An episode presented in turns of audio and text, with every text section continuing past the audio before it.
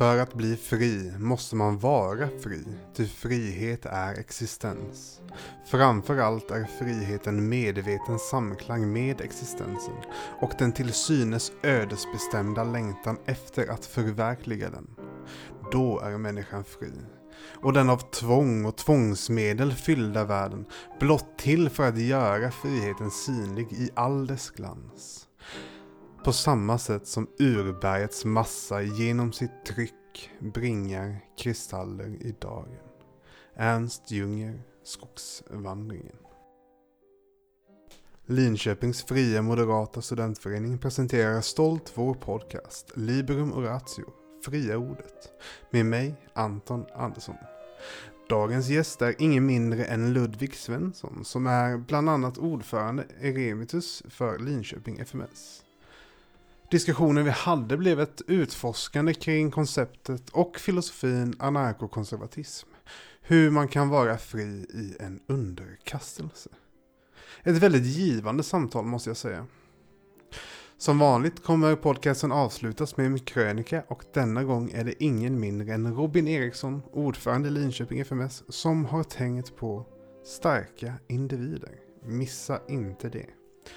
Då kör vi igång och glöm inte att Argumenten är viktigare än åsikterna.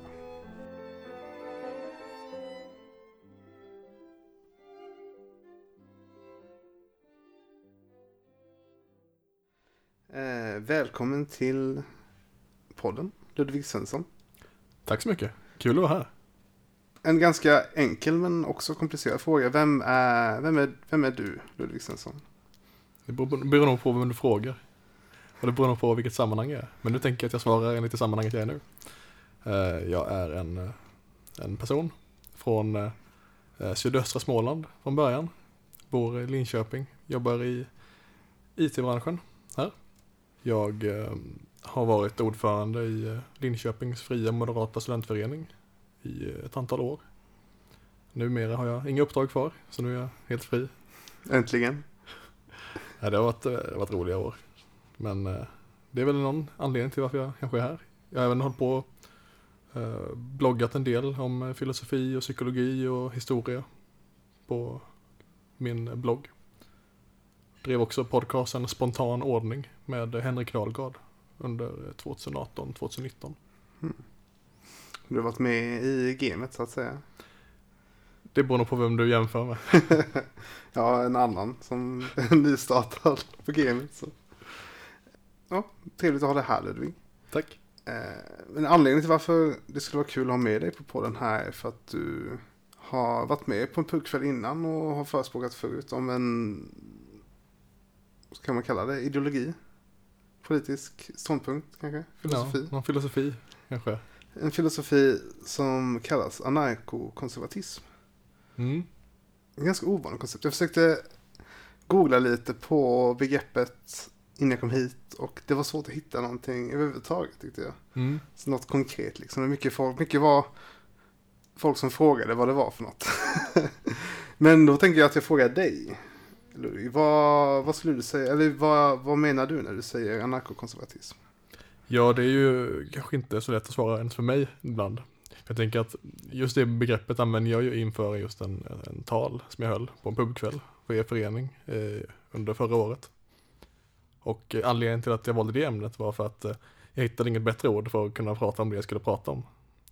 Och det jag skulle prata om var väl egentligen eh, en filosofi, en livsfilosofi skulle man kunna säga.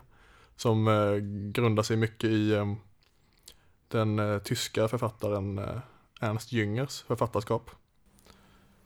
Skulle du vilja berätta lite vem Ernst Jünger är? För någon som inte vet. Absolut. Det var en som sagt då en eh, tysk, eh, eh från början soldat. Eh, föddes i eh, tidigt 1900-tal i Tyskland, av alla platser, som man gör ofta med tysk. Han eh, var eh, soldat tidigt i sitt liv. När han var 16 år så rymde han från skolan och tog värvning i franska främlingslegionen. när han sen kunde gå med i den tyska armén så gjorde han det.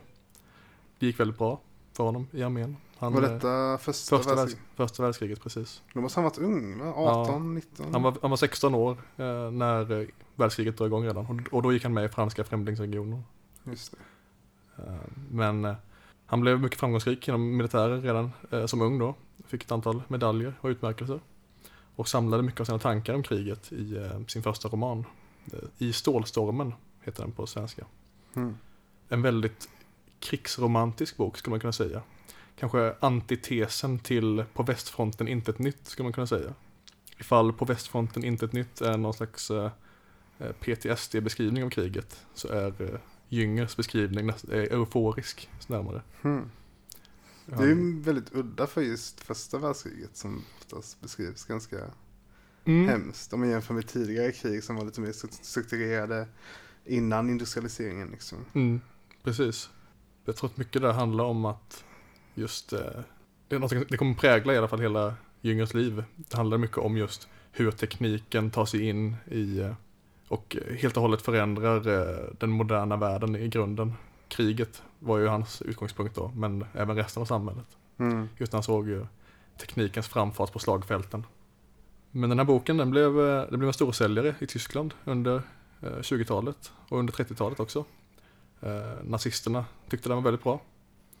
Eh, den, var ju nation, den var ju nationalromantisk och hyllade kriget. Så det var ju, han blev populär bland nazisteliten kan man säga.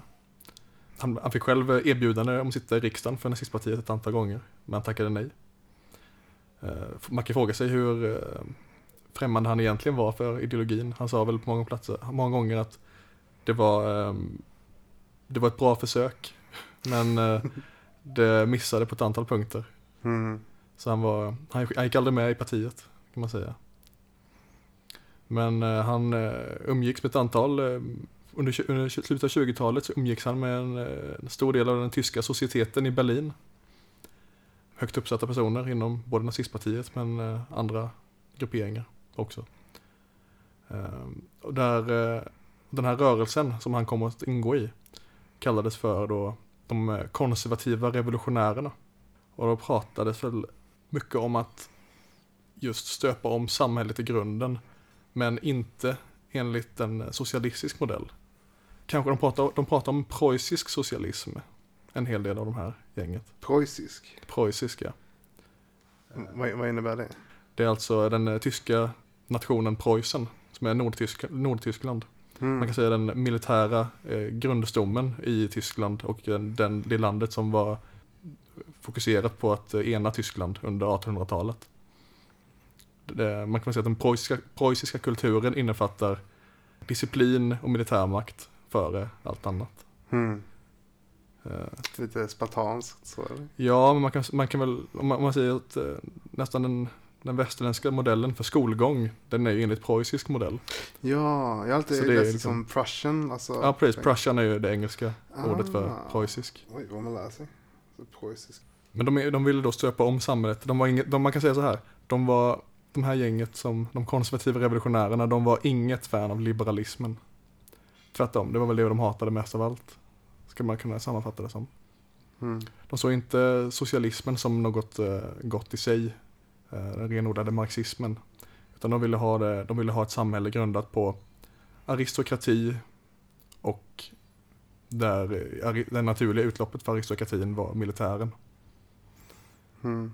Man kan säga en eh, återgång till mer hur det var innan första världskriget helt enkelt. Innan Weimarrepubliken och en, åter, en återgång till, en radikal återgång till eh, någonting som tidigare fanns i Tyskland och någon, en tyskt ideal från, som var förhärskande tidigare. Mm. Så med, med revolution kunna omstöpa samhället. Men inte till någonting nytt utan tillbaka till någonting som det varit och starkare. Med kejsare och hela med Kaiser och sådär också eller? Jag är osäker på många, det var, det var nog lika många åsikter om det som det fanns personer. Men jag vet att eh, Jünger själv, han sa ju det att eh, han ville ju inte ta emot, eh, eller han, eh, jag vet inte om han tog emot den faktiskt, men han fick ta emot eh, kejs, någon, eh, jag kommer inte ihåg vad det heter just nu, men det är kejsarmedalj i alla fall, eh, efter kriget. Mm. Och så står han i handen och jag står med den i handen och tänkte, ja, här står man och tar emot en kejsarmedalj utan en kejsare. Han har nog, han hade inte, inte haft emot en stark kejsare, så kan man väl säga. Och hur förhåller sig Junger till den här livsfilosofin anarkokonservatism? Man kan säga att efter andra världskriget började Jünger skriva mer personligt filosofiskt jämfört med tidigare. Han skrev ett par böcker under mellankrigstiden som innefattar beskrivningar av olika gestalter som han ser det. Eh, det fanns en bok som hette Der Arbeiter, eller Arbetaren, som handlar om, ja, en, en, när han lägger fram idén om en gestalt som framträder i och med den moderna världen. Och det är då arbetaren, som, det är liksom en gestalt som människor kan ingå i, som, som en, som, eh, det är ungefär, det är rätt likt eh, proletariatet som arbetar enligt marxismen. Mm. Det är den som, ja, den står i fabriken, den jobbar dag ut och dag in.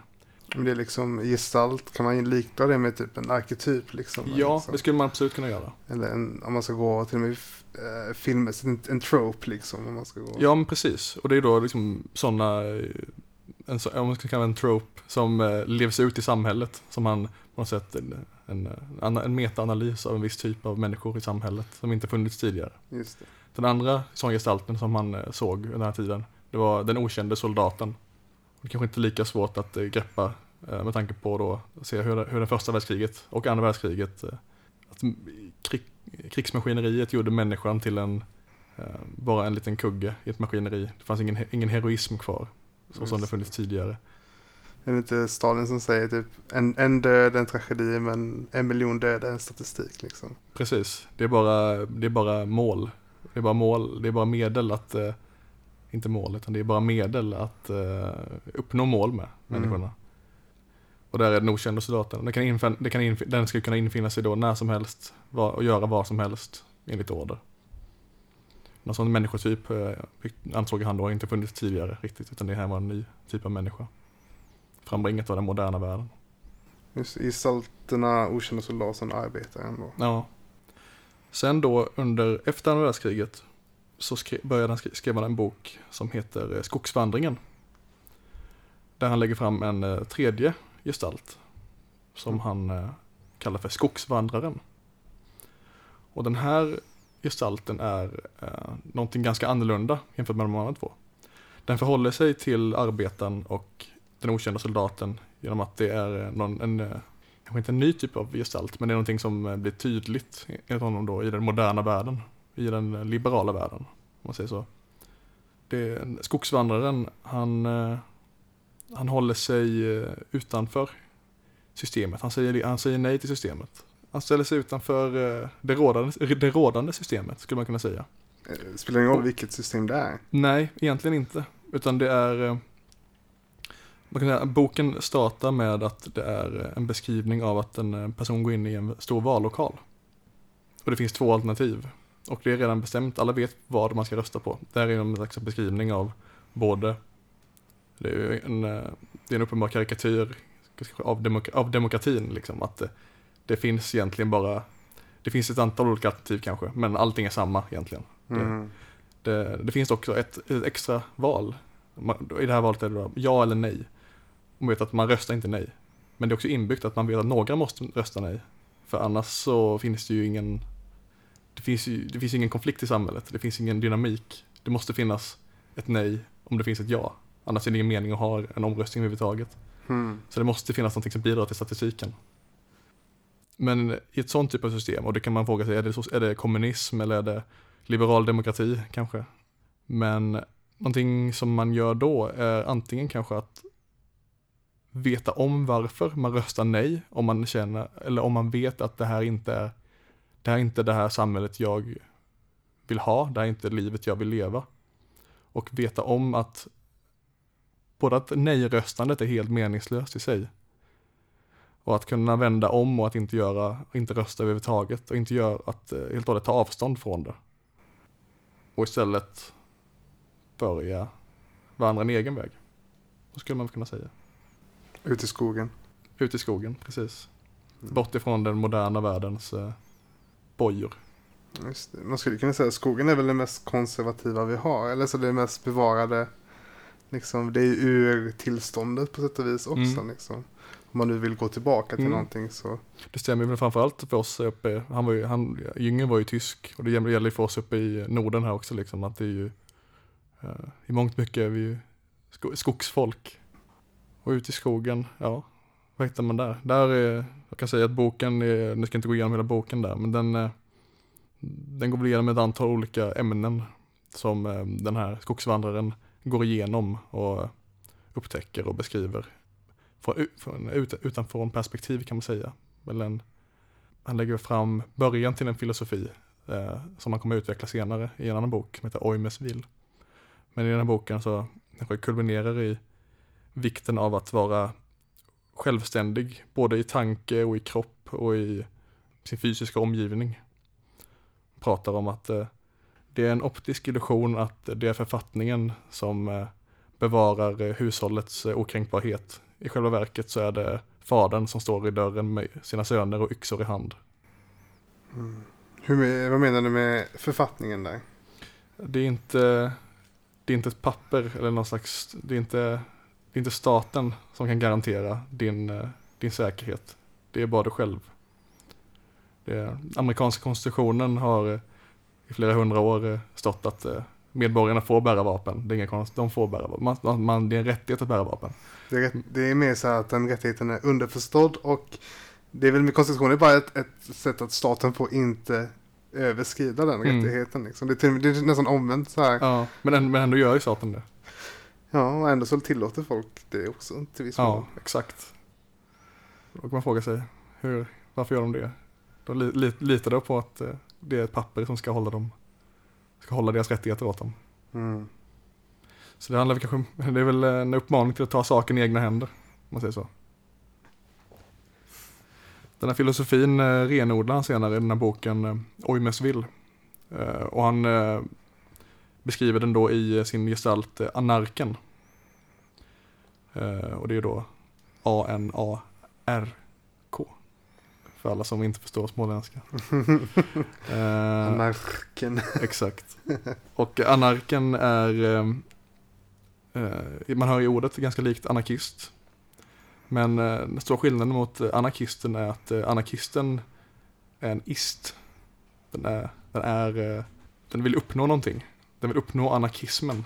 Det är Mm. liksom anarkistens mål är att uppnå anarkism. Och hur uppnår man anarkism? Ja, det är ingen som någonsin har lyckats med det. har, man har lyckats eh, bränna ner saker och eh, man har eh, lyckats förstöra saker. Man har varit emot saker. Men om, man är, om man bara vill uppnå någonting och jobba för att uppnå ett idealt tillstånd så är det väl dömt att misslyckas från början kan man säga. Den, Mm. skillnaden är att anarken gör det redan. Han, han är redan fri. Han behöver, inte, han behöver inte krossa systemet för att bli fri. Han har uppnått den eh, inre friheten så det behövs inte längre. Så att han lever av exempel. Det kan man absolut säga. Man kan säga att om eh, en jämförelse är mellan monarki och monarkisten. Monarkisten är den som vill upprätthå- upprätthålla eller se till så att monarkin fungerar. Monarken är ju den som faktiskt lever ut monarkin. Mm. Så det är väl en sån sak som anarken, han kan, han är både monarken i sitt eget liv och kan liksom, han kan prata, han kan prata med alla och vara flytande. Han kan eh, vara i ett totalitärt system och vara butler till eh, eh, despoten som han är i boken. Men han är också medveten om att när som helst så kan han eh, behöva sätta kniven i ryggen på den här personen. För det är bara ett medel just nu och det är inte det är inte det som eh, det är inte systemet som spelar roll. Alltså mina tankar går till buddhismen, lite så här, att acceptera tillståndet eller systemet som det är. Men att inte identifiera sig med det, eller så att man ändå så, som säger, man har distans till, till ens tillstånd på sätt och vis. Liksom. Mm. Ligger någonting i det? Hur tänker du då att det är eh, hur menar du då med att det är eh, distanserat sig från mm. Jag menar liksom, vi säger de andra i det här, vi tar den här monarkin som exempel då, Mm. med en despot.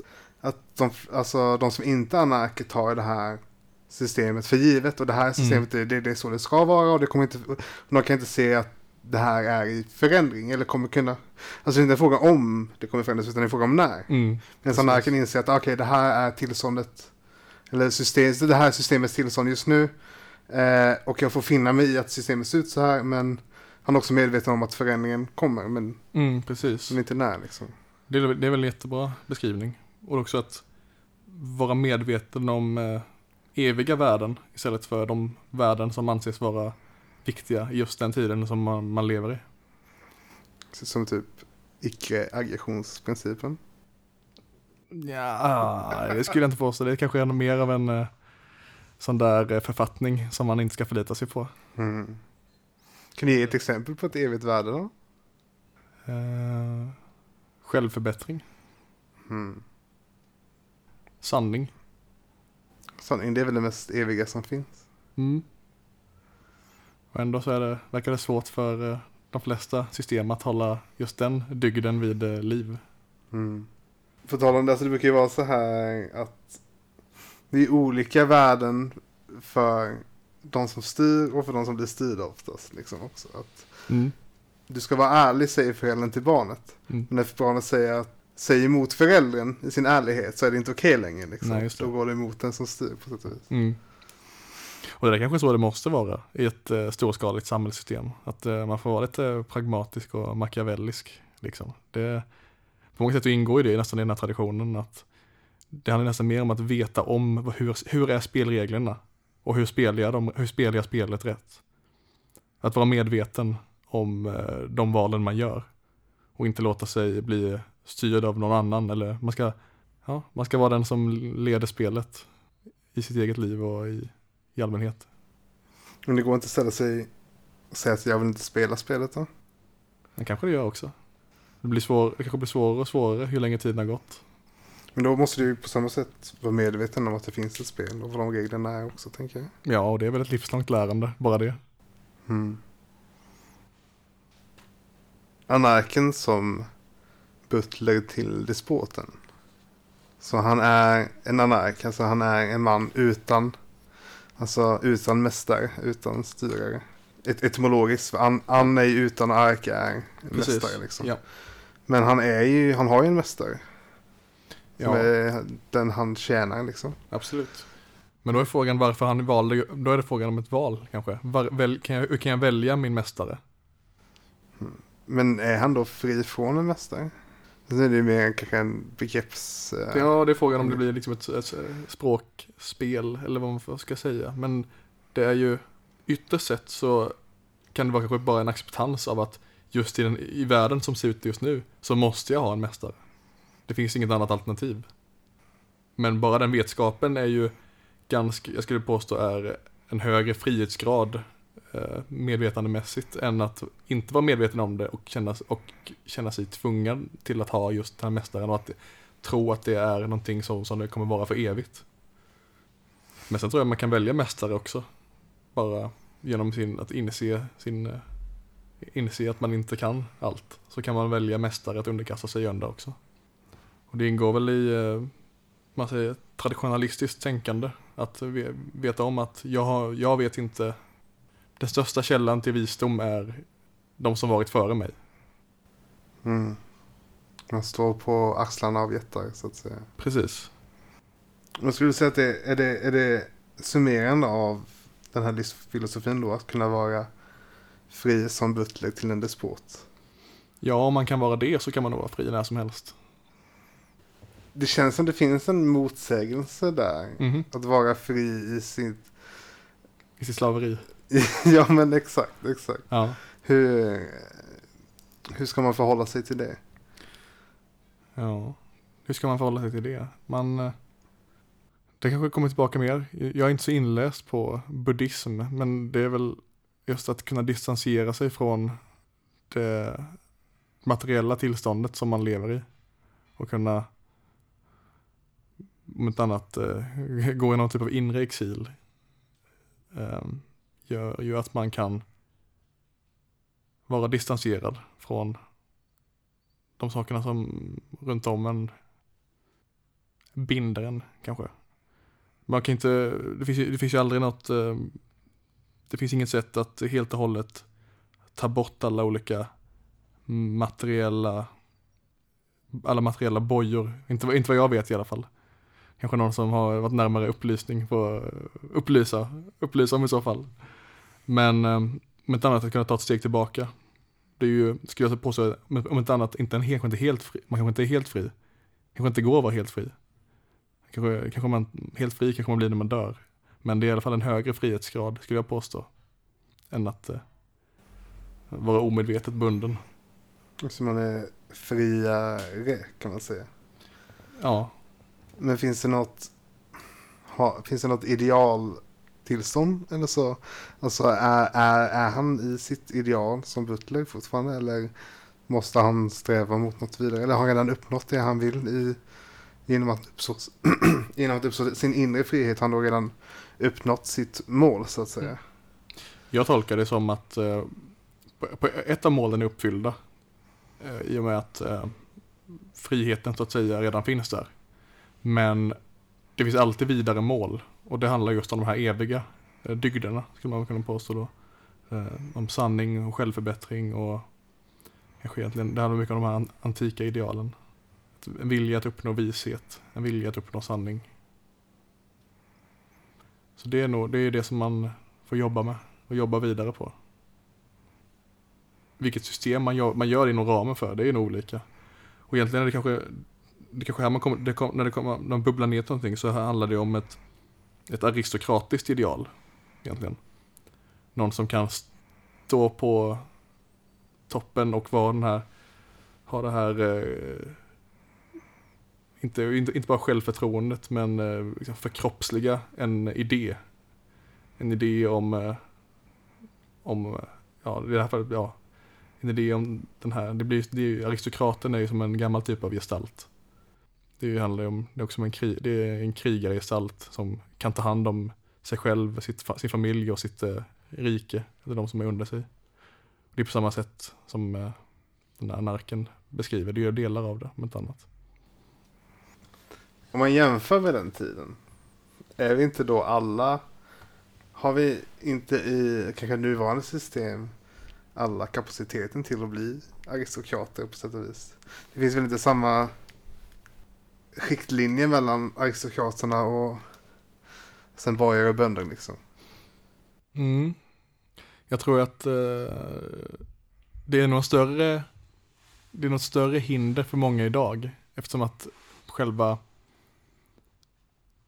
begreppet och idén, idén, gestalten av den här det, är inte, det existerar inte i vårt medvetande på samma sätt idag. Om man säger, vad är, vad är, vad är, den, vad är de högsta nivåerna att uppnå i vårt samhälle? Det är politiker, stats, stats, statsmän. Vice direktör. Ja, företagsledare. Det kanske är, där, det är nog mer där man hittar den typen av eh, ideal idag kanske. Men det finns ju också mm. det här, eh, ett ideal som kanske jag ser mer i de här fristående person, personligheterna. Kanske stora youtubers som skapat liksom, alternativa media på, som, står, som nästan gör en marknad av sin egna personlighet eller av att vara sig själv. Att då kanske på ett sätt och vis förkroppsliga ett, ett evigt värde genom, eller ett, för, genom sina försök att förkroppsliga eviga värden. Liksom. Ja, precis. Och den frågan också eh, varför man gör någonting och om man verkligen skulle man klara av, skulle man klara av att göra samma sak utan utan, utan eh, det te tekniska hjälpmedlet. Hur förkroppsligar man det här idealen i sitt verkliga liv? Eller i, i allt man gör? Det kanske man inte gör, det kanske inte någon gör, kan göra någonsin. Men om ett annat kan jag tycka att det bör vara någonting att eftersträva. Det är som är, det finns ju mer kanske shintoistiska eller jap de japanska idéerna om att göra allting, varenda liten del helt perfekt liksom. Mm. Försöka uppnå den typen av perfektion. Det är kanske skillnad mot, eh, om du pratar om, då, liksom, om en eh, mediapersonlighet, liksom, att om man konstruerar en perfektion till yta och visar upp, det kanske visst, det är ju en, eh, det är väl en, det är väl en aspekt av, av perfektion, men det är frågan om man, så länge man inte försummar de andra delarna, eh, i det här fallet kanske då, använder sig eh, kropp, själ och tanke, att allting ska vara att man ska eftersträva att utvecklas inom alla de här formerna och inte bara säga, kanske kropp eller yta. Mm. Jo, men jag tror de som är, för det jag tror Alexander, Alexander Bard pratar om det liksom att den nya valutan nu med internet med de här tekniska möjligheterna är genuinitet. Mm. Liksom, för för alla har vi brister och sånt, men de som, som framstår som äkta, de som inte försöker dölja sina brister, de som inte Ja. alltid försöker ha rätt eller inte kan erkänna sina fel. Mhm. Eh, men, men precis, men de, de som kan erkänna sina fel, liksom, det är de som folk börjar lyssna på, börjar få tillit till. För att de är ja, men genuin som ett evigt värde Mm. kanske då. Att, Mm. att inte försöka vara någonting man inte är Ja, liksom. precis. Det är den här efter, efter, eftersträvan av sanning och då att vara sann mot sig själv. Och att inte försöka ljuga och eh, bygga upp någonting som det inte finns eller inte är. Och, och, och det är väl lite det jag menar med de här personligheterna. Liksom, Ja, att, de ja. är, att de är sig själva men att de kan göra en karriär på Mm. det. Liksom. Exempel eh, men Alexander Bard ska vi ge som ett exempel kanske. Det är mycket, det mesta jag inte håller med han om men jag beundrar hans jag tror verkligen att han står för det han tycker. Eller så, eller han Mm. står för det han säger. Liksom. Mm. Och han, han har en sån strävan efter Mm, vad han tror. Vad han försöker väl ändå så hitta någon sorts sanning eller något sätt att ledväga världen på. Alltså, mm, mm, men, men om vi ska tillbaka till det här anarkokonservatism. Anark, kan, kan du ge något exempel på någon som du skulle säga förkroppsliga anarken? Är det, är det någonting man kan, kan man se en anark? Kan du märka en anark liksom? uh...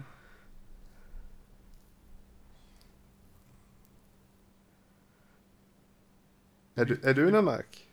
nej, aspirerande kanske. På, sin Aspirerande. höjd, på sin höjd, på sin höjd. Jag vet inte om det inbegriper allting som jag eh, står för heller egentligen. Anledningen till att, vi prat, att jag pratade om eh, an, anarkokonservatism just i mitt föredrag, det var kanske just eftersom att eh, de här eh, konservativa dragen är kanske inte så starka och inbegripna i ordet anarkism eller, eller ens anarken egentligen. Utan det handlade just om, kanske som jag skulle nästan egentligen prata om traditionalism, men eftersom nu, nu skulle jag jag ska hålla ett föredrag om, eh, ja, där, där konservatism är ett vedertaget begrepp, så då tänkte jag att använda, använda det liksom. Ehm, men just det här med att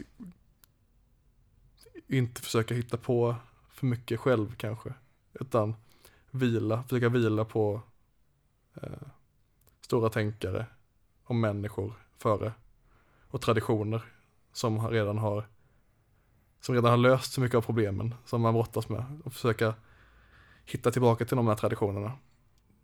Om vi, om, om vi pratar om traditionalism som, eh, som begrepp så är ju det ett, en filosofisk skola som ehm, eh, egentligen underkänner det mesta typen av progressivt tänkande. Allt eh, var bättre förr. Det var till och med helt eh, perfekt. Om man går tillbaka tillräckligt lång tid. Det är väl liksom, eh, kan man säga, en, en, en grundtanke. Och att eh, allting, eh, progression i, i tiden har bara lett till förfall. Ehm, men, Men, men hur långt bak kan man gå? Alltså pratar vi innan civilisation? Alltså det går aldrig gå, det går aldrig gå längre bak. Det Liksom. det, beror, man, man vill, det beror på vad man vill återknyta till. Om man säger att man vill återknyta till människans direkt, direktkontakt med naturen så skulle man nog kunna säga att eh, stenåldern kanske var dåligt, eh, kanske var dumt att börja jaga med yxor och stenar liksom. Men då på något sätt i alla fall att kunna återknyta till tradition, till någonting som man trodde, hade, trodde var glömt och hitta tillbaka till någonting som är ursprungligt och det, verkligt, verkligt ursprungligt. Enligt traditionalismen så görs det här via en tradition, om man säger en, en traderad tradition. Det finns olika, det finns eh, de som, ofta, ofta där handlar det om eh, mer esoteriska eh, sk- skolor för att, upp, för att uppleva gudomlighet och jag ville bara beskriva vad esoterisk betyder för någon som inte vet. Esoterisk är väl, det är ju att det är både gömt, det är, man, brukar, man kan beskriva esoterisk religion som mystisk religion. Eller eh, någonting som inte visas i det öppna. Så skulle man kunna säga. Så typ gömd eller djupare liksom, ingång i det. Ja, precis. Och det är ju just att komma tillbaka till att eh, knyta an till någonting gammalt, knyta an till någonting eh, starkt och knyta an till kärnan i dygderna och idealen som man ska försöka, som jag ska, som man ska försöka leva, leva ut. Om man kan vara helt, att vara anark, det är liksom en del av det som nästan, att säga, krävs för friheten då i, kanske framförallt då i ett samhälle som vårt som eh, inte riktigt tillåter andra tankar än de rådande. Väldigt, eh, eh det är väldigt eh, strikt eh, liten bana som man eh, kan anses få eh, Eh, tycka och tänka i, eh, i vår vanliga liberala eh, demokrati. Men då är det, det är, det är någonting som krävs, men för att hitta tillbaka till de här värdena så kanske just det, det är konservatismen eller då traditionalismen som, som kan vara ett hjälpmedel där, om inte annat. Så man kan säga att man måste vara fri för att kunna hitta idealen, dygderna som har tappats i den progressiva riktningen samhället har tagit. Liksom. Samhället har gått bortom de här gamla idealen och dygderna. Mm. De eviga värdena liksom. Mm. Och för att kunna hitta tillbaka dem så måste du frigöra dig själv från nuvarande system. Liksom. Ja, precis. Det är väl, det är väl en bra beskrivning. Där har vi svaret på den första frågan. Vad är anarkokonservatism? Just det. Men det, det är... Men då, tror jag- då tror jag förstår det faktiskt. Att det är liksom... Men då kommer ju nästa fråga är... Vilka värden? Vilka är de, vilka är de riktiga eviga värdena liksom? Jag skulle, alltså det är ju... För det första måste man då argumentera för en, kanske en objektiv moral. Eller en, alltså att det finns något som är objektivt eller? Jag vet inte om man, om man måste det. Eh, det beror nog på, kanske, jag kan säga att jag, jag själv har ju inte upptäckt det eh, ännu. Eh, Tvärtom så om man, om man lever ut den, säger, den anarkistiska, eller den, den anarkiska dimensionen så kanske det krävs vad som inom dagligdags eh, tal anses vara väldigt omoraliska saker. Det här med att eh, man kanske man, den här eh, anarken jobbar som butler åt eh, eh despoten men när som helst kan han hugga den i ryggen liksom. Mm. Sk- En skillnad där är väl kanske att då nästan då, där, sätter- där, där, där sätter ju han sin egen moral nästan. Men det kanske är det som är, kanske också, det kanske är det som är moraliskt. Att, vet, att lära sig veta skillnaden på när man ska göra saker, när och var. Och det, att, det inte, att det inte finns någon kodex att kunna peka ut eh, det här var moraliskt och det här var inte moraliskt. Utan att det är mer flytande. Mm. Så. Och att det istället handlar mer om bedömningar. Och att eh, veta när rätt bedömning ska göras. Så, så eh, relativ moral helt enkelt. Då. Ja, på något sätt blir det det. Det blir ju i sammanhanget liksom. Beroende på sammanhang. Ja. Men där kan man säga att traditioner, traditioner i som sådana, de har väl, de brukar ju innefatta ett antal regler att förhålla sig till istället. Just för att man inte ska behöva kanske alltid hålla, vara, ta de här besluten själv liksom, utan att eh, vila tillbaka på de här eh, reglerna. Men man kanske ska säga att då att det just det är regler och förhållningssätt, men inte objektiva värden. Mm. Kanske svårt, jag, jag tror nog inte att objektiva värden finns överhuvudtaget på det sättet utan att det handlar ju mer om erfarenhetsbaserade eh, visdom och kunskap som har förvärvats genom generationer och filtrerats eh, till eh, goda råd, kan man kunna säga. Så det är mer, är mer en pragmatisk, Det, vi, alltså en Mm. pragmatisk sanning också till exempel då. Liksom. ja, Men det, det funkar. Mm. Alltså. Det funkar bättre än tidigare eller andra mm, sätt att fungera på. mm, Men... Hmm. Men jag tänker de flesta traditionella, alltså de flesta traditioner och sånt har ju som sagt, som du säger. De, de säger, det är liksom här, du ska icke döda liksom, du ska icke mm, stjäla. Det är väldigt så här, mm. Och det är ju ofta så, i, det är väl, de är ofta, många regler är byggda för att kunna ha ett samhälle i, ett, eh, bygga upp ett samhälle i fred exempelvis. Men å andra sidan, det finns ju andra traditioner som kanske inte var byggda på det här sättet. sättet. Om vi går tillbaka till en, eh, säg, förkristen nordisk tradition, så skulle jag inte påstå att du ska icke döda var det absolut eh, viktigaste delen i den traditionen. Eh, och det var också en tradition som eh, levde i många, många tusen år, fram till bara för tusen år sedan egentligen. Så det var, andra, det var ett annat värde. Och det var likadant i säg, antikens Grekland, att det var inte så att eh, de, de, eh, det som vi kanske ofta tänker på nu med de abrahamitiska värdena och så att säga de kristna och judeokristna värdena. Det var ju inte det som styrde hur eh, antikens filosofer tänkte och de, de dygderna som de satte upp. Och det är väl eh, kanske nästan snarare, kanske krävs att gå tillbaka så långt för att hitta verkliga kärnvärden. Men den västerländska kulturen, eller den framgången som vi haft i, i västerlandet är ju ojämförbart med något annat nästan. Teknikmässigt, liksom, ekonomiskt mässigt. Liksom.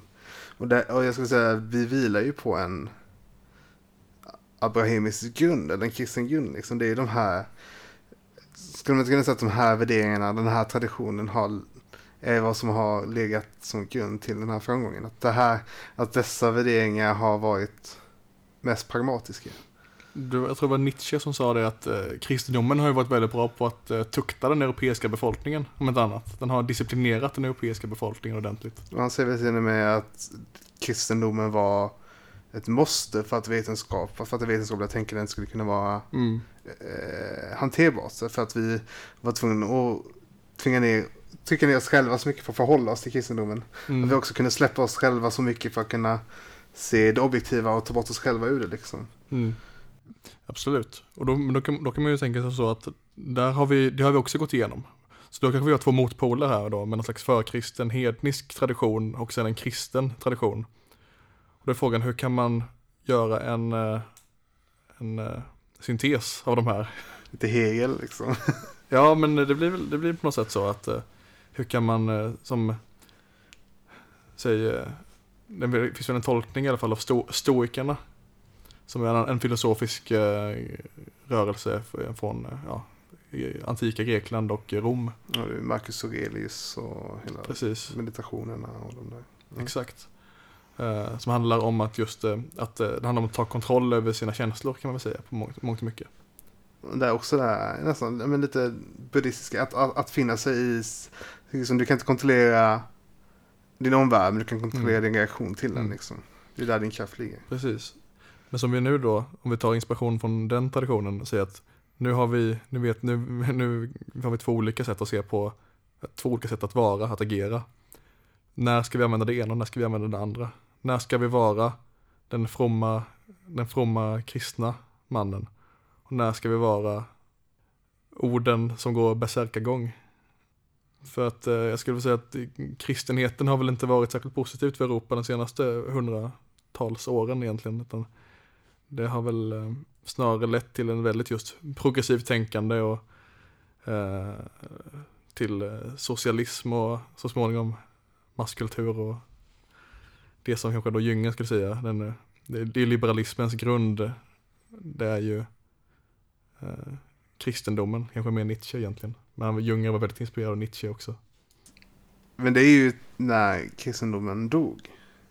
Mm. Eller så när kristendomen övergavs för det vetenskapliga. Liksom. Mm. Det blev ju där socialismen blev antireligiös istället. Liksom. Mm.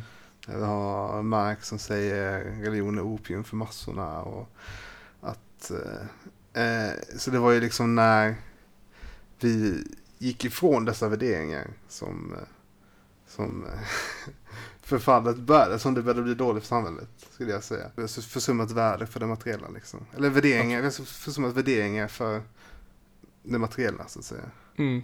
Skulle man kunna säga. Och det kanske började redan med reformationen, kanske började redan med Ja, vem vet, det kanske började, för vem, vem vet när det började egentligen, men eh, det kanske inte är det har, pågått, det, har, det har pågått längre än vad man, än vad man kan tro vid första anblick. Om man ser att istället för att det pågick eh, sedan 1800-talet och framåt, så kanske det, det började inte vid franska revolutionen, det kanske började vid Descartes som eh, separerar eh, medvetande och kropp, eller börjar med reformationen när man separerar text från utövande. Mm. eller som, ja, inte, Alexander Bard pratar ju om att det kanske handlar om informationsteknologiska, att det är en informationsteknologisk fråga egentligen. Att när, boktryck, när, när, när man kan börja trycka böcker, då börjar texten bli viktig. Just det. Men eh, ja, det hade jag inte för text, text har alltid varit viktig. Jag menar, ordet för frihet och ordet för bok är ju samma ord Mm. på, i latin, liksom liber. Mm. För romarna så var böcker lika med frihet liksom. Så Mm. Mm. text har ju alltid varit viktigt skulle Mm. jag säga. Men det var Sokrates som eh, sa att det skrivna ordet, det, det, är för, det är det mest fördummande för människorna. Han skrev, han, Sokrates skrev ju inte ner någonting själv, det var ju bara Platon som skrev ner hans tankar. Så han kallade Sokrates. Platon för fördummande. Ja, absolut. Då, och, och Platon skrev ner det här. Ja, Så det var lite så här, han skrev ner sin egna hån liksom. absolut, absolut. För en gångs skull. Det är inte så vanligt för Platon, men eh, det hände någon gång då ja, Mm. också. Men du skulle säga, är, är du en aspirerande anarkokonservatist? An, an, anark i alla fall. Ja, an, ja det, det är någonting som, ja, absolut. Det är någonting som jag, det är en filosofi som jag bär med mig och tar, tar med mig i alla beslut jag försöker göra i mitt liv. Absolut, är det så. Men vad, vad är det för, för, för hållning du försöker ha till besluten då? Liksom hur, hur bevarar det här min frihet? Eller hur är jag fri trots att jag gör det här? Eller eller vilka värderingar kan jag beakta i mina livsval? Eller hur, hur, hur, hur tar det sig i uttryck? Under en period så var jag, eh, så när jag under tiden jag studerade, så var jag eh, inte speciellt eh, aktiv i mitt liv kan man säga. Eh, jag, var ganska, jag, var väldigt pass, jag var väldigt passiv och på det, sättet, på det sättet att jag lät bara saker och ting eh, hända. Liksom jag, jag, jag, jag, jag, tog, jag tog inte tag i reglerna så att säga. Men eh, där var det liksom när jag, hoppade av eh, universitetet och började jobba istället. Och det är ju eh, någonting liksom, det är en av de sakerna som hände var ju verkligen eh, kraften i att kunna eh, sätta sina egna regler och inse att jag behöver inte göra de här sakerna som eh, samhället förråder, som eh, de, de vanliga råden som kommer. De, det spelar ingen roll, det går, bättre, det går till och med bättre när eh, man följer, när jag följer mina egna tankar och idéer. Och jag försöker hela tiden, jag säger, jag, inte, jag försöker inte aktivt undvika eh, vad resten av samhället säger, men att hela tiden att tänka själv och att vara självständig, det är ju liksom ledord som går igen i mitt liv. Att, eh, som är nu i de här, i de här liksom, nu är det kristider, liksom, att veta att nej, jag lyssnar inte på eh, myndigheternas råd om vad som behöver göras. Eh, utan jag, jag kanske redan har tänkt själv på de här scenarierna innan och är förberedd på, på allt möjligt egentligen. Att försöka, att försöka hela tiden tänka några steg framåt. Som vi sa tidigare, att lista ut det här spelet liksom. Mm. Att avvika från vägen som är utlagd för en. Mm. Oavsett om man lagt ut den själv eller om den är utlagd för någon annan. Mm. För att det är det man själv vill göra liksom. Mm. Ingen, ingen vet ju dina önskningar, mål och viljor bättre än vad du gör heller liksom. Du Mm. går alltid och lyssnar på andras råd och sånt men i grund och botten så är det ju ditt liv och ingen annans. Mm. Och där är det så, man får ju, man får ju ta, man får ju ta det man hittar och se ifall det funkar. Så man får prova sig fram liksom och se. Man får sätta en fot före den andra och sen prova. Och jag själv är inte alltid, är inte alltid den snabbaste framåt på att prova mängder av grejer. Men när eh, någonting fungerar så håller jag fast vid det. Mm. Det påminner lite som Abraham Lincoln säger. Jag tror han sa nu väldigt så här paraphrase hans citat. Men jag går, jag går väldigt långsamt. Men jag går alltid framåt. Absolut. Så, länge man är beredd på att backa om man inte har gått fel. Så skriver jag under på det. Mm. Ja, det är intressant hur många, hur fel man kan gå och ändå sitta rätt sen ändå. Också. Mm. Absolut. Man, får, man, måste jobba, man måste jobba med det man kommer till liksom. Man, man har inte så mycket andra val än att utgå från situationen som är. Nej. Det är väl oftast det som är det svåra för människor. Att folk lever oftast mer i vad de vill att saker ska vara än hur saker faktiskt är. Liksom. Mm. Det är alltid antingen att man försöker tvinga på ideal på verkligheten eller att man undviker eller försöker ignorera saker som är för att det är jobbigt, och, för att det är jobbigt att liksom finnas i. Precis, det är olika psykologiska eh, försvarsmekanismer liksom. Och det får man försöka bli medveten om själv, vad, vad man har för egna sådana hinder som sätts upp för en. Vad, försöka medvetandegöra de här eh, sina psykologiska tillkortakommanden. Mm. Vad är det Carl Jung säger, det du, det du behöver mest finns där du allra minst vill leta. Mm. Så, och det återges ju i berättelser också med riddarna runt runda bordet. När de skulle leta efter den heliga graalen. Mm. Så gick varje riddare in i skogen där den själv ansåg det som mörkast. För det var där de trodde de skulle kunna hitta graalen liksom. Mm. Och där handlar det om att utvidga sin zon av bekvämlighet liksom. Alltså du måste, du måste hitta dig, gå ut i det obekväma och finna dig där tills det blir bekvämt liksom. Och då har du en större grad av bekvämlighet plötsligt liksom. Mm. Precis, det är ju verkligen en grund till självförbättring. För, självförbättring. Att eh, om man gör det som är eh, bekvämt så kommer man inte komma så långt på de sakerna. Då kommer man inte, det är inte en väg uppåt. Mm. Men vad är det man strävar efter? Alltså då måste man ju ha, om man, förbättras, då måste man ha något ideal man förbättras mot eller?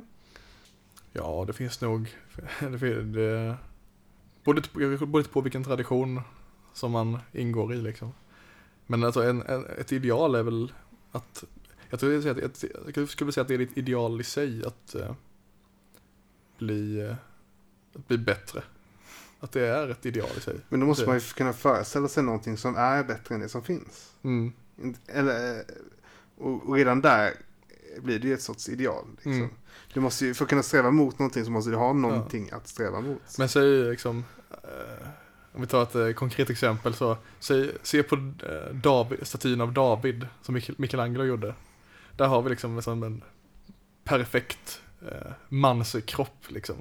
Där har vi, där är liksom, det är en typ av eh, perfektion att kunna, att kunna sträva efter att uppnå kanske om det kommer till, om det är det man jobbar med. Eh, så är det liksom, det är ju liksom i, på något sätt i, i, i, i konst och i eh, i, i filosofi och i, i de här eh, abstrakta eh, arterna som man hittar de här någonting att kunna uppnå, mo, sträva mot. Det är i, my, I myterna så hittar vi de, de, de människor, den människan man, man bör vara. Sen får man inte, sen får man väl kanske inte, man får inte slås, slås ner över att man inte lyckas. Heller. Och inse att det är, eh, att det är ett ideal. Men att verkligen hela tiden jobba mot det idealet. Det är, Men det är också, å andra sidan finns ju baksidan av idealet eller någonting att sträva mot i självförbättring är också att på köpet så får du också en eh, dömare, en domare. mm, Som dömer dig när du inte lever upp till din förbättring liksom. mm, Och det är väl där de flesta undviker att... Det, det är oftast där varför folk undviker att ha ett ideal. absolut. För det är ganska skönt med en hedonistisk meningslöshet i det faktum att... Ja men så fort du har ett ideal så, så är du ju liksom... Det blir jobbigare alltså. Ja för då vet, då vet du då blir du direkt medveten om alla brister du har Ja, i förhållande till idealet liksom. Ja. absolut. Eh, men om man försöker krossa alla ideal liksom, då har du ändå så, då har du ju... Då står du ju bara och går i cirklar, då har ingenstans att gå liksom istället. Precis. Så det, det är lite så här, välj, välj ditt lidande på sätt och vis. Ja, precis.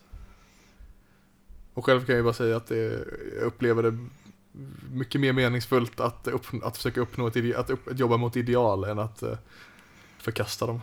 Mm. Jag har, prov, jag provat båda. Och det, att förkasta det, det låter, det, det, det är väldigt, det är kortsiktigt. Det är kortsiktigt. Mm. Jo, jag har själv provat på det, jag kan hålla med också. Liksom. Eh, jag började ju univers- universitetet när jag var 26.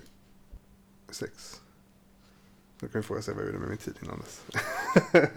eh, men anar anarken, anarkokonservatism, det är mest förhållande till individen i sig. Liksom. Hur ska individen förhålla sig till systemet i samhället? Mm, absolut. Hur ska man... Det är lite som kanske en, eh, en sorts trosåskådning eller filosofi. Liksom. Mm. Eh, En filosofi skulle jag absolut hålla med om att det är ju liksom det det är. Det är, Mm. det det är. Eh, men finns det någonting, finns det något eh, kopplat till samhället i stort? Finns det någonting, finns det en önskan av ett idealsamhälle eller är det det faktum att samhället, samhällets form och utseende är oberoende, är icke-relevant?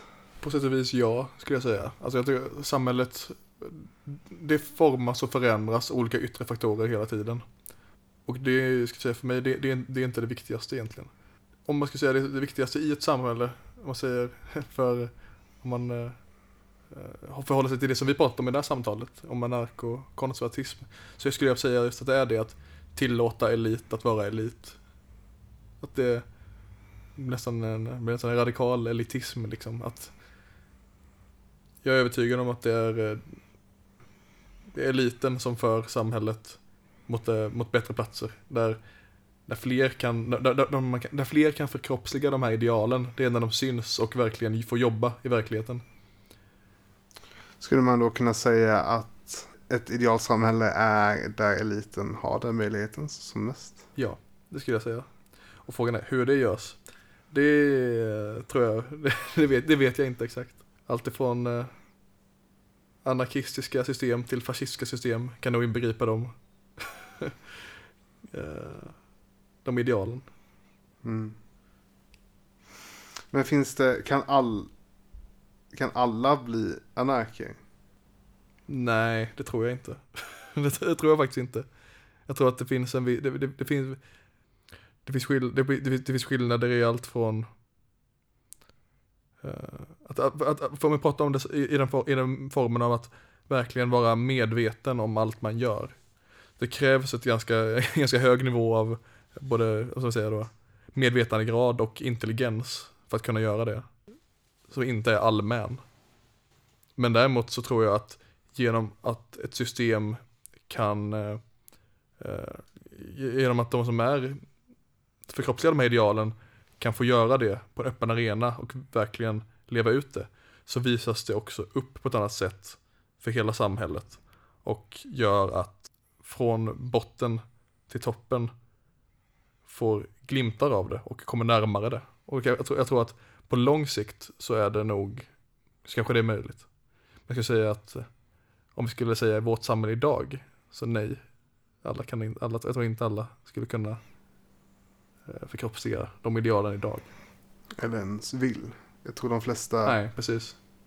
vill inte vara fria på det sättet. För det innebär ju också en viss ansvarstagande också. Oh ja, verkligen. Och det är jobbigt, det är tungt. Då måste man ju vara vuxen, bete sig liksom. Veta när man ska bete sig, när man inte ska bete sig. Jag skulle gissa att de flesta som är anarker inte vet om att de är anarker. Alltså, eller att de i alla fall inte Mm. sätter den Benämningen. besit- besittningen. Liksom. Nej, absolut. Det håller jag nog med om. Det är ju inte, det är inte, en, inte, det är inte jättekänt begrepp liksom. Utan det är väl, det är, som, det är ju en, det är ju en, fil- det är ju en, eh, det är en filosofisk eh, konstruktion. Liksom, ett, ideal.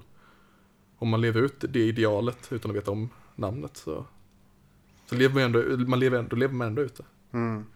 Det är liksom, det är likadant, eh, jag har ju egentligen inget, eh, jag har inget behov av att sprida den här idén egentligen.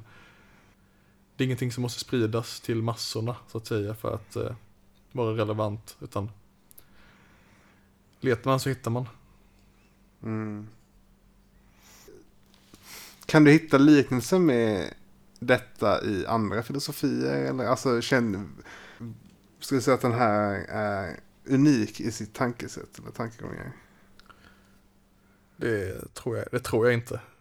Men det, är väl, det inbegriper ju definitivt delar från, som jag säger, både då traditionalistisk eh, vissa traditionalistiska skolor, inbegrips i det.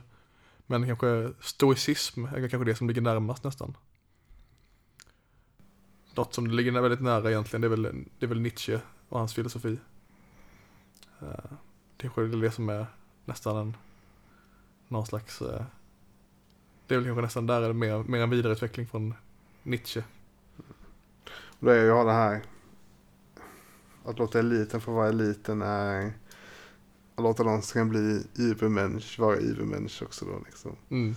Att, eh, för jag tänker, kan, måste en anark vara en, en, en överman också? Eller kan en anark inse sina begränsningar? Mm. Inse, nej jag är inte någon elit, jag är bara en... Mm. Absolut. Alltså jag kommer inte uppnå till något stort men jag gör det bästa i min situation liksom. Precis, det, det tror jag definitivt. Just att, och det, för det handlar ju mer om strävandet i sig. Kanske. Och att veta om, det handlar ju mer om, det handlar mer om en medvetandegrad. Som man själv in, in, in, försätter sig i. Och att om man säger att jag, ja men, jag, jag är smed och jag, jag, jag, jag jobb, då ska liksom målet ska vara att bli den bästa smeden som man kan vara. Man behöver inte, man behöver inte leda hela nationen. Mm. Det är inte, inte min uppgift, det är inte det jag passar som. Och att då känna sig själv nog att veta vad som är rätt för en. Så det är ju inte som att alla, alla ska bli, alla ska inte bli eh, kung liksom. Över andra. Men alla ska vara kung över sitt eget hushåll. Mm. Eller bör vara.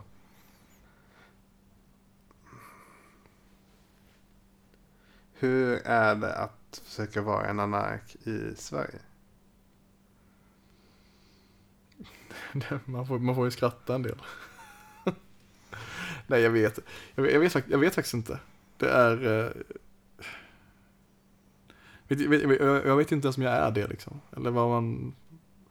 Men eh, nog... eh, nog, har, nog finns det mycket att jämföra sig med i alla fall. Det finns en bra antites liksom. till, till, till, till den filosofin. I hur de flesta människor agerar. Att lita, och lita, att lita blint på, stater, på staten och på, eh, med, på vanliga medier och allt som pumpas in i en. Allt från liksom eh, information till eh, näringsämnen och vem vet vad liksom. Det, det, är, eh, det, det, det, finns mycket att eh, det finns mycket att förhålla sig till i alla fall. Mm. Jag tror det är Aron Flam som säger jag vet inte om han säger det för någon annan, men han säger när en svensk, en svensk byter inte åsikt, men när, den, men när de gör det så byter de alla åsikt på en och samma gång. Mm. Visst är det så? Det är väl en bra beskrivning. Det är ett pragmatiskt folk, svenskarna. Ja, alltså det mest konformistiska västerländska landet på sätt och vis. Mm. Så vi har mycket likheter med typ Japan och andra österländska länder på hur, hur mycket osynliga sociala normer vi har som vi förhåller oss till, som vi tar för givet liksom. Hur mycket mm. det, vi är ju ganska unik som folk. Absolut. Och det mest unika är att vi anser oss inte alls vara unika överhuvudtaget. Mm. vi har ingen kultur, vi är inte speciella på något sätt. En låg, låg medvetandegrad hos många svenskar. Eller en, en hög hybris, tror jag. Att vi tror oss, att om folk bara kommer hit och Mm. ser hur vi är, så kommer alla andra också självklart vilja vara likadana. För vi är ju Mm. så bra och perfekta, alltså det är så här Mm. man ska vara liksom. Men det tror jag mer handlar om att det är en nästan en, eh, en, indokt, in, det är en indok, indoktrinerad befolkning. Om vi bara går tillbaka hundra år så, så, så fanns det ju väldigt, an, det var ju väldigt an, annorlunda tankegångar i Sverige. Liksom då, om man säger när, när, när, när nationalromantiken stod som högst liksom, då var ju väldigt hög medvetande om att sven, svensk, svenskar var ett unikt folk liksom och att med, till och med land, landskapen har egna sinnelag liksom och Mm. egna land, vilket landskapslynne man har liksom. Att det spelar väldigt stor roll var man kommer ifrån och vem man är och att alla är, att vi alla är olika liksom. Jo men att, jag tror jag, att ge- geografin liksom, den sätter, den sätter sig i folket liksom. Mm. Jag tror det, smålänningar, vi är, det, är ett segt folk. Mm, det skulle jag säga. Envist. Ja. Om man ska eh, göra den marken brukbar där nere så måste det finnas lite krut i den. Lite envishet liksom. Mm. Och tjurighet. Jag tror vi är ganska långsinta också. Liksom. Jag tror vi håller nog. Eh, om någon gör en fel så håller vi nog det länge också. Ja, alltså jag kan, jag kan säga det som att jag, kommer från Torsås från början. Det är alltså Nils Dacke eh, födelseort också. Och eh, jag kan säga att vi, vi håller fortfarande eh, Dacke högt och Vasa som en tyrann. Det är 500 år ingenting. Det ska, det ska, ni, det ska ni veta, stockholmare. Nej men det är, jag vet inte. Jag tycker de har sina. De färgar personligheten på sätt och vis. Absolut. dialekterna. Men i, en tro att, och i- en tro att, ehm, att, att sånt spelar ingen roll. Eh, I att, eh, varken, att, att varken landskap eller national, nationalitet eller eh, vad ska man säga, ras eller vad man säger, att, att, det, att det inte spelar någon roll. Det är ju bara att både att ta bort all färg ur tillvaron och att, stöp, att försöka stöpa in alla i uh, ett sätt att vara och tänka. Mm. Att försöka liksom, ta bort um, grunden och det, är ju hela den liberala idén om tabula rasa liksom att eh, alla är, alla är egentligen samma. Blank, födda som blanka papper. Alla, alla är födda som blanka papper och bara alla får lära sig om, eh, alla bara utbildar sig, utbildas i vetenskapen om eh, rationell eh, humanism och liberal demokrati så kommer alla bli liberala demokrater och rationella humanister. Det är lite det jag menar med att försöka påtvinga idealet på verkligheten. Liksom. Mm. Att din ön, en önskan skulle vara att all, det, alltså det är en jättefin tanke, ett jättefint ideal. Att vi alla är formbara, att vi alla skulle kunna vara eliter liksom. Eller så. Men, men det är ju inte applicerbart. Det är ju inte sant, det är inte fungerande liksom. Det går inte, att allting skulle vara en social konstruktion liksom, vilket är lite var har det sociala kommit ifrån? Var det, alltså även det kulturella vilar ju på en grund av att folk agerar på ett visst sätt. Mm. Vad är, det, vad är det som formar våra normer och kulturer? Alltså det är ändå så, var- varför finns det ett manligt, varför ser den manliga könsrollen ut som den gör den kvinnliga? För att vi har olika drag och biologiska tendenser liksom. Mm. Som sen tar sig uttryck i hur Mm. vi håll- förhåller oss till varandra. Och det är naivt att tro att det är åt andra hållet på sätt och vis. Mm, verkligen. Det är ju på något sätt liksom, biologin och våldet som är grunden på något sätt. Men det är också där den tanken att biologin spelar roll. Att det finns något som heter arv. Mm. Att, att din genetiska uppsättning när du föddes som inte du kan gå för kommer påverka ditt liv enormt. Mm. är ju också en väldigt uppgivande tanke. Liksom. Men herregud, vad, vad kan jag göra? Det är ingenting du kan göra åt saken. Liksom. Det är liksom, helt, plötsligt har du fått de här begränsningarna på det. Liksom. Men det är också otroligt, befri, befri, eh, otroligt befriande. I att inte försöka eh, vara någonting man inte är. Och att liksom komma till eh, insikt, eller acceptera det också. För det är ju liksom, en, en anledning till varför utbrändhet är så utbrett liksom idag är väl för att alla försöker göra allt hela tiden. Och inte ta hänsyn till vad man själv klarar av. Och det är definitivt någonting som folk i gemen, även jag själv, behöver göra mer. Liksom. Mm. Inse sina begränsningar. Mm. Ja, lättare sagt än gjort. Men det, och sen ska Ja. man förhålla det till självförbättring också. Liksom. Absolut. Det är en, en dans. Det är också det här försöka para. Det är lite, blir lite paradoxalt liksom. Att både samtidigt som man ska acceptera sig själv som man är. Då ska man försöka förbättra den man är också liksom. Mm. Mm. Men inte omöjligt. Nej. Nej, först och främst måste du ju veta vad det är någonstans för att kunna veta vad du ska. Men det är som en god vän till mig säger. Det, det är ingen jävel som sagt att det ska vara lätt. Jag kör på hard mode. Det är ingen, jag tycker är August Strindberg säger eh, Livet är bittert ibland men vi får väl dras med det ändå. det är så så. Ja. Men jag tror ändå att det går, det är inte, det är inte bara bittert. Det är inte enkom bittert utan det går att uppnå ära och lycka. Och det finns i, i dygderna. och i att följa det sanna och det goda och det vackra. Mm. Det tror jag, det tror jag benhårt på att det är där man hittar det. Det låter som fina avslutande ord för den här podden. Hitta det sanna, det goda och det vackra. Tack så jättemycket Ludvig för att du ville vara med. Tack Anton för att, Ja. jag, fick, eh, för att jag fick vara med. Jättekul. Men jag tyckte det här var väldigt intressant. Jag hoppas vi kan ha... Men kanske komma förbi igen någon gång. Prata om... Eh, jag undrar mer än bara filosofi generellt. Jag tycker det är intressant. Kanske gå in lite mer psykologiskt. Det där var alltså Ludvig Svensson. Och jag är glad att han ville delta i vår podcast. Om man inte har en inre frihet, kan man då verkligen förvänta sig att en yttre frihet ska manifesteras? Ja, det finns många frågor och tankar som samtalet väckte och jag hoppas på en fortsättning på samtalet i framtiden. Men innan vi avslutar undrar jag bara en sak till. Vad har du tänkt på, Robin Eriksson? Ja, Anton. Jag har funderat på varför det behövs starka individer i samhället och varför det fria men hårt bemötta ordet lägger grunden för dem. En fundering angående Uppsala universitets likavillkorsspecialists beslut att vissa ord är förbjudna av mig, Robin Eriksson, ordförande i Linköpings fria moderata studentförening. Jag vill inleda med att citera en av mina favoritekonomer, Milton Friedman. One of the great mistakes is to judge policies and programs by their intentions rather than their results. Slutquote.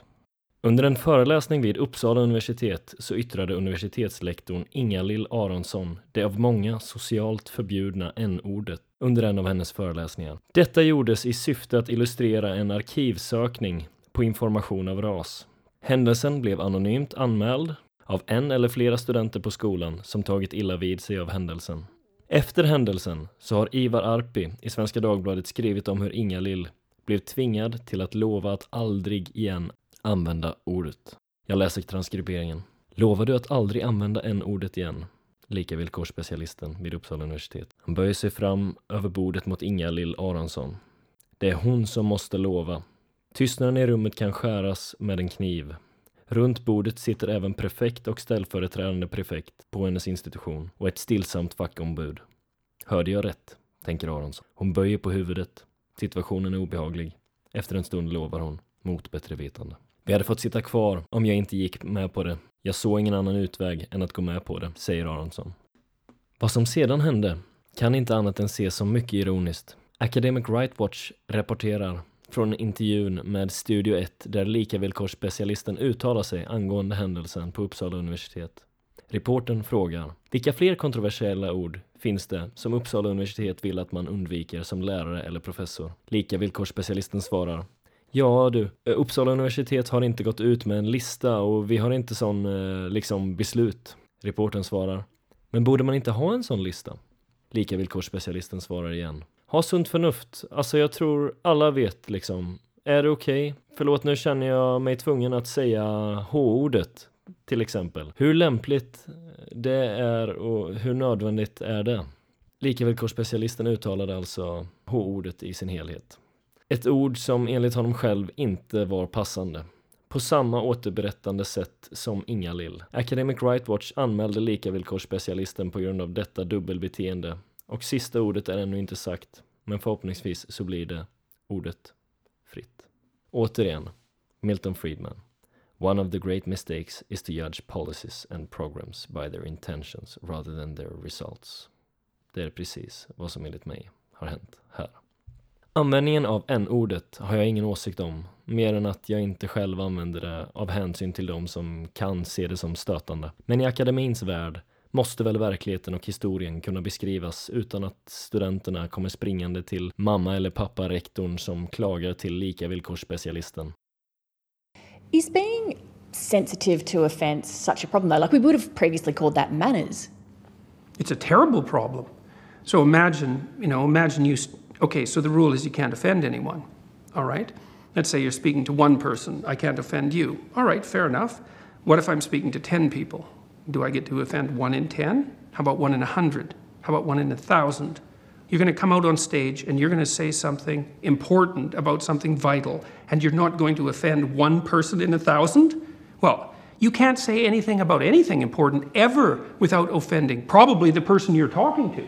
Det var Jordan Peterson som ger sin tanke på varför inte det fria ordet får begränsas och varför man ska ha rätten att kränka någon när man pratar med den. Och den måste bibehållas. Vi måste helt enkelt låta individer bygga starka. Därför landar jag i funderingen, vad är egentligen en individ? Ordet individ kommer från latinets individum med betydelsen odelbar. Det har därmed samma grundbetydelse som det grekiska låneordet atom.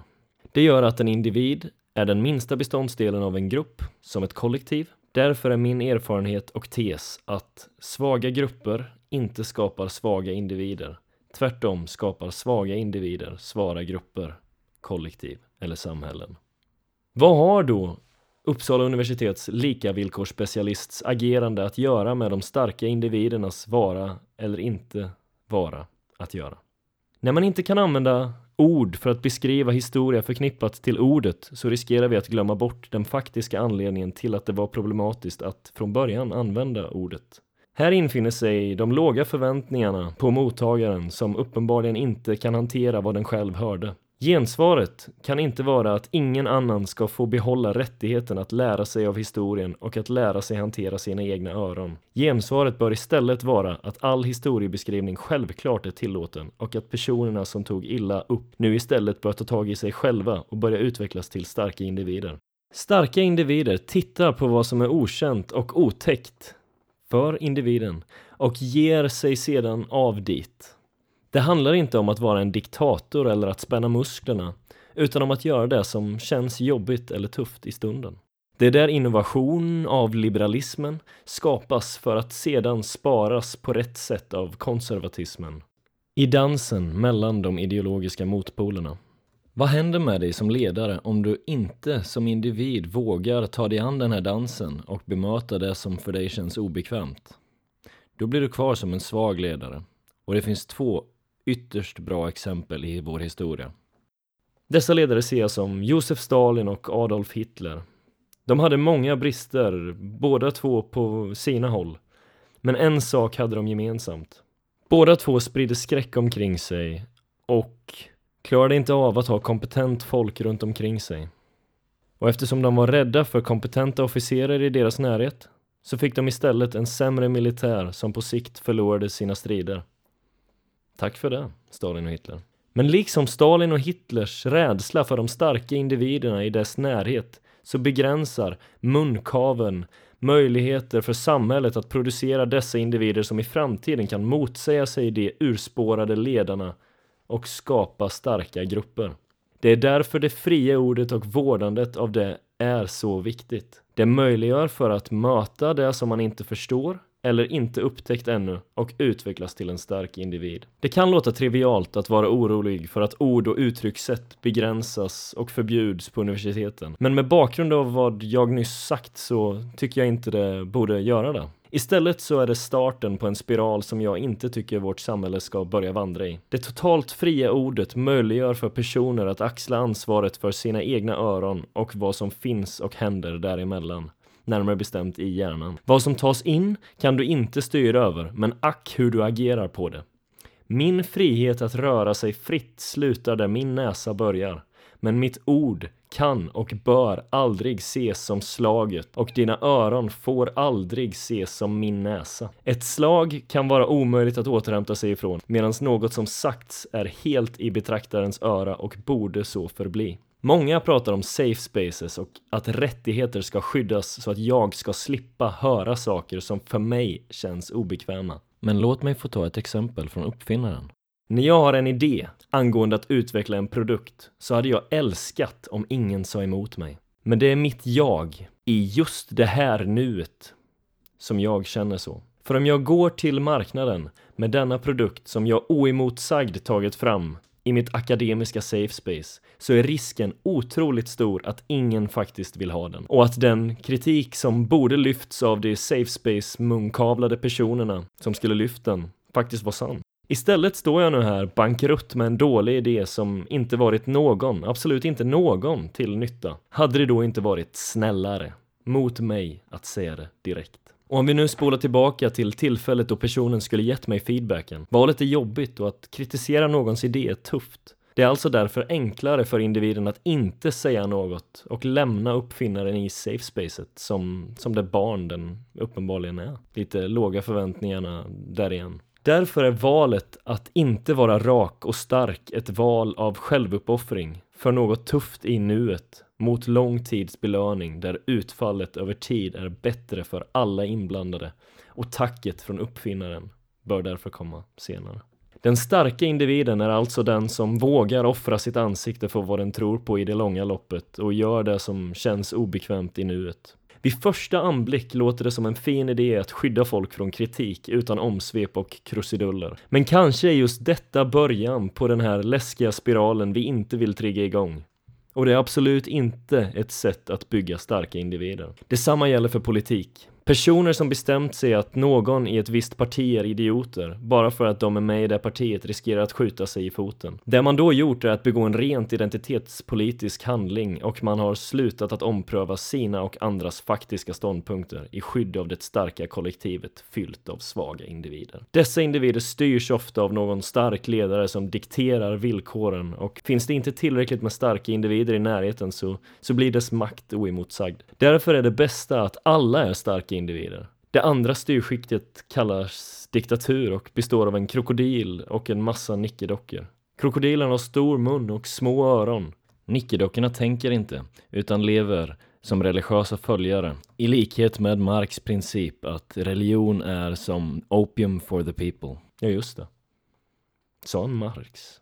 Jag är så anti-identitetspolitik att jag kunde inte brytt mig mindre. Sa Marx något som är av värde så tänker jag använda det. Inte för att jag är en följare i hans kollektiv, utan för att jag vet att jag som individ är stark nog för att lyssna med mina öron, filtrera det jag hör och dra en slutsats om vad som är vettigt. Att genom safe spaces inte ge människor den rätten att utvecklas genom att bemöta det obekväma är ett rent karaktärsmord på den framtida starka individen som ska ta hand om sig själv och tvätta sina egna öron. Man kan ta på sig hörselkåpor om man vill, men då får man också ta följden av att klockan 23.30 på natten dansa iförd hörselkåpor på klubben som den starka individ du uppenbarligen är. Inte mig emot. Skyddsrum är bra i krig och kuddrum är bra på dagis. Men inte bland personer som ska utvecklas till starka individer och bli del av framgångsrika grupper. Där den yttersta kollektiva tillhörigheten är samhället. Individen är den minsta beståndsdelen i gruppen Ledaren är första beståndsdelen av gruppen som kan skapa förutsättningar för starka individer. Och ju större ansvar individen och ledaren känner för resultatet, desto bättre blir det. Den slutsats som jag dock vill dra av det tidigare resonemanget är att de starka grupperna skapas av starka individer som leds av starka ledare. Och för att skapa den spiralsamverkan så krävs det en större mängd ansvarstagande individer. Därför vill jag starkt kritisera Uppsala universitet deras enväldiga likavillkorsspecialist genom att säga ni lägger just nu grunden för ett ytterligare försvagat samhälle. Bidra istället till att studenterna sköter sin egen öronhygien och lär sig att ansvara för det som hamnar i deras huvuden. Istället för att tvinga alla andra att tvätta munnen med era situationsbetingade regelverk. Det lägger grunden för starka individer. Och lyssna extra noga nu när jag säger att jag är inte någon förespråkare av att använda det diskuterade n-ordet, eftersom att det för många upplevs stötande av historisk betydelse. Men se då till att vi i fortsättningen kan veta om den problematiken genom att ordet får stå kvar i historien och kan återberättas. Annars får vi ett samhälle av svaga individer som glömmer bort historien och därmed varför det nu relevanta n-ordet är problematiskt att använda. I början av mars så gick Uppsala universitets rektorer ut med att det inte var fel agerat av Ingalill. Istället blev det en stor vinst för det fria ordet, de kommande starka individerna och för historiebeskrivningen. Återigen, argumenten är viktigare än åsikterna. Glöm aldrig det. Och glöm aldrig vår historia och varför vi behöver fler starka individer i samhället, det färre. Du har lyssnat till mig, Robin Eriksson, ordförande för Linköpings fria moderata studentförening om varför samhället behöver fler starka individer.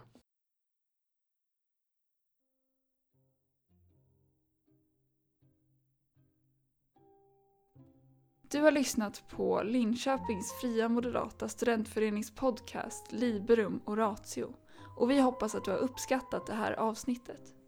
Låt inte argumenten och debatten ta slut här utan dela och sprid gärna vidare. Och som alltid, tänk högt, tänk högre, tänk högre.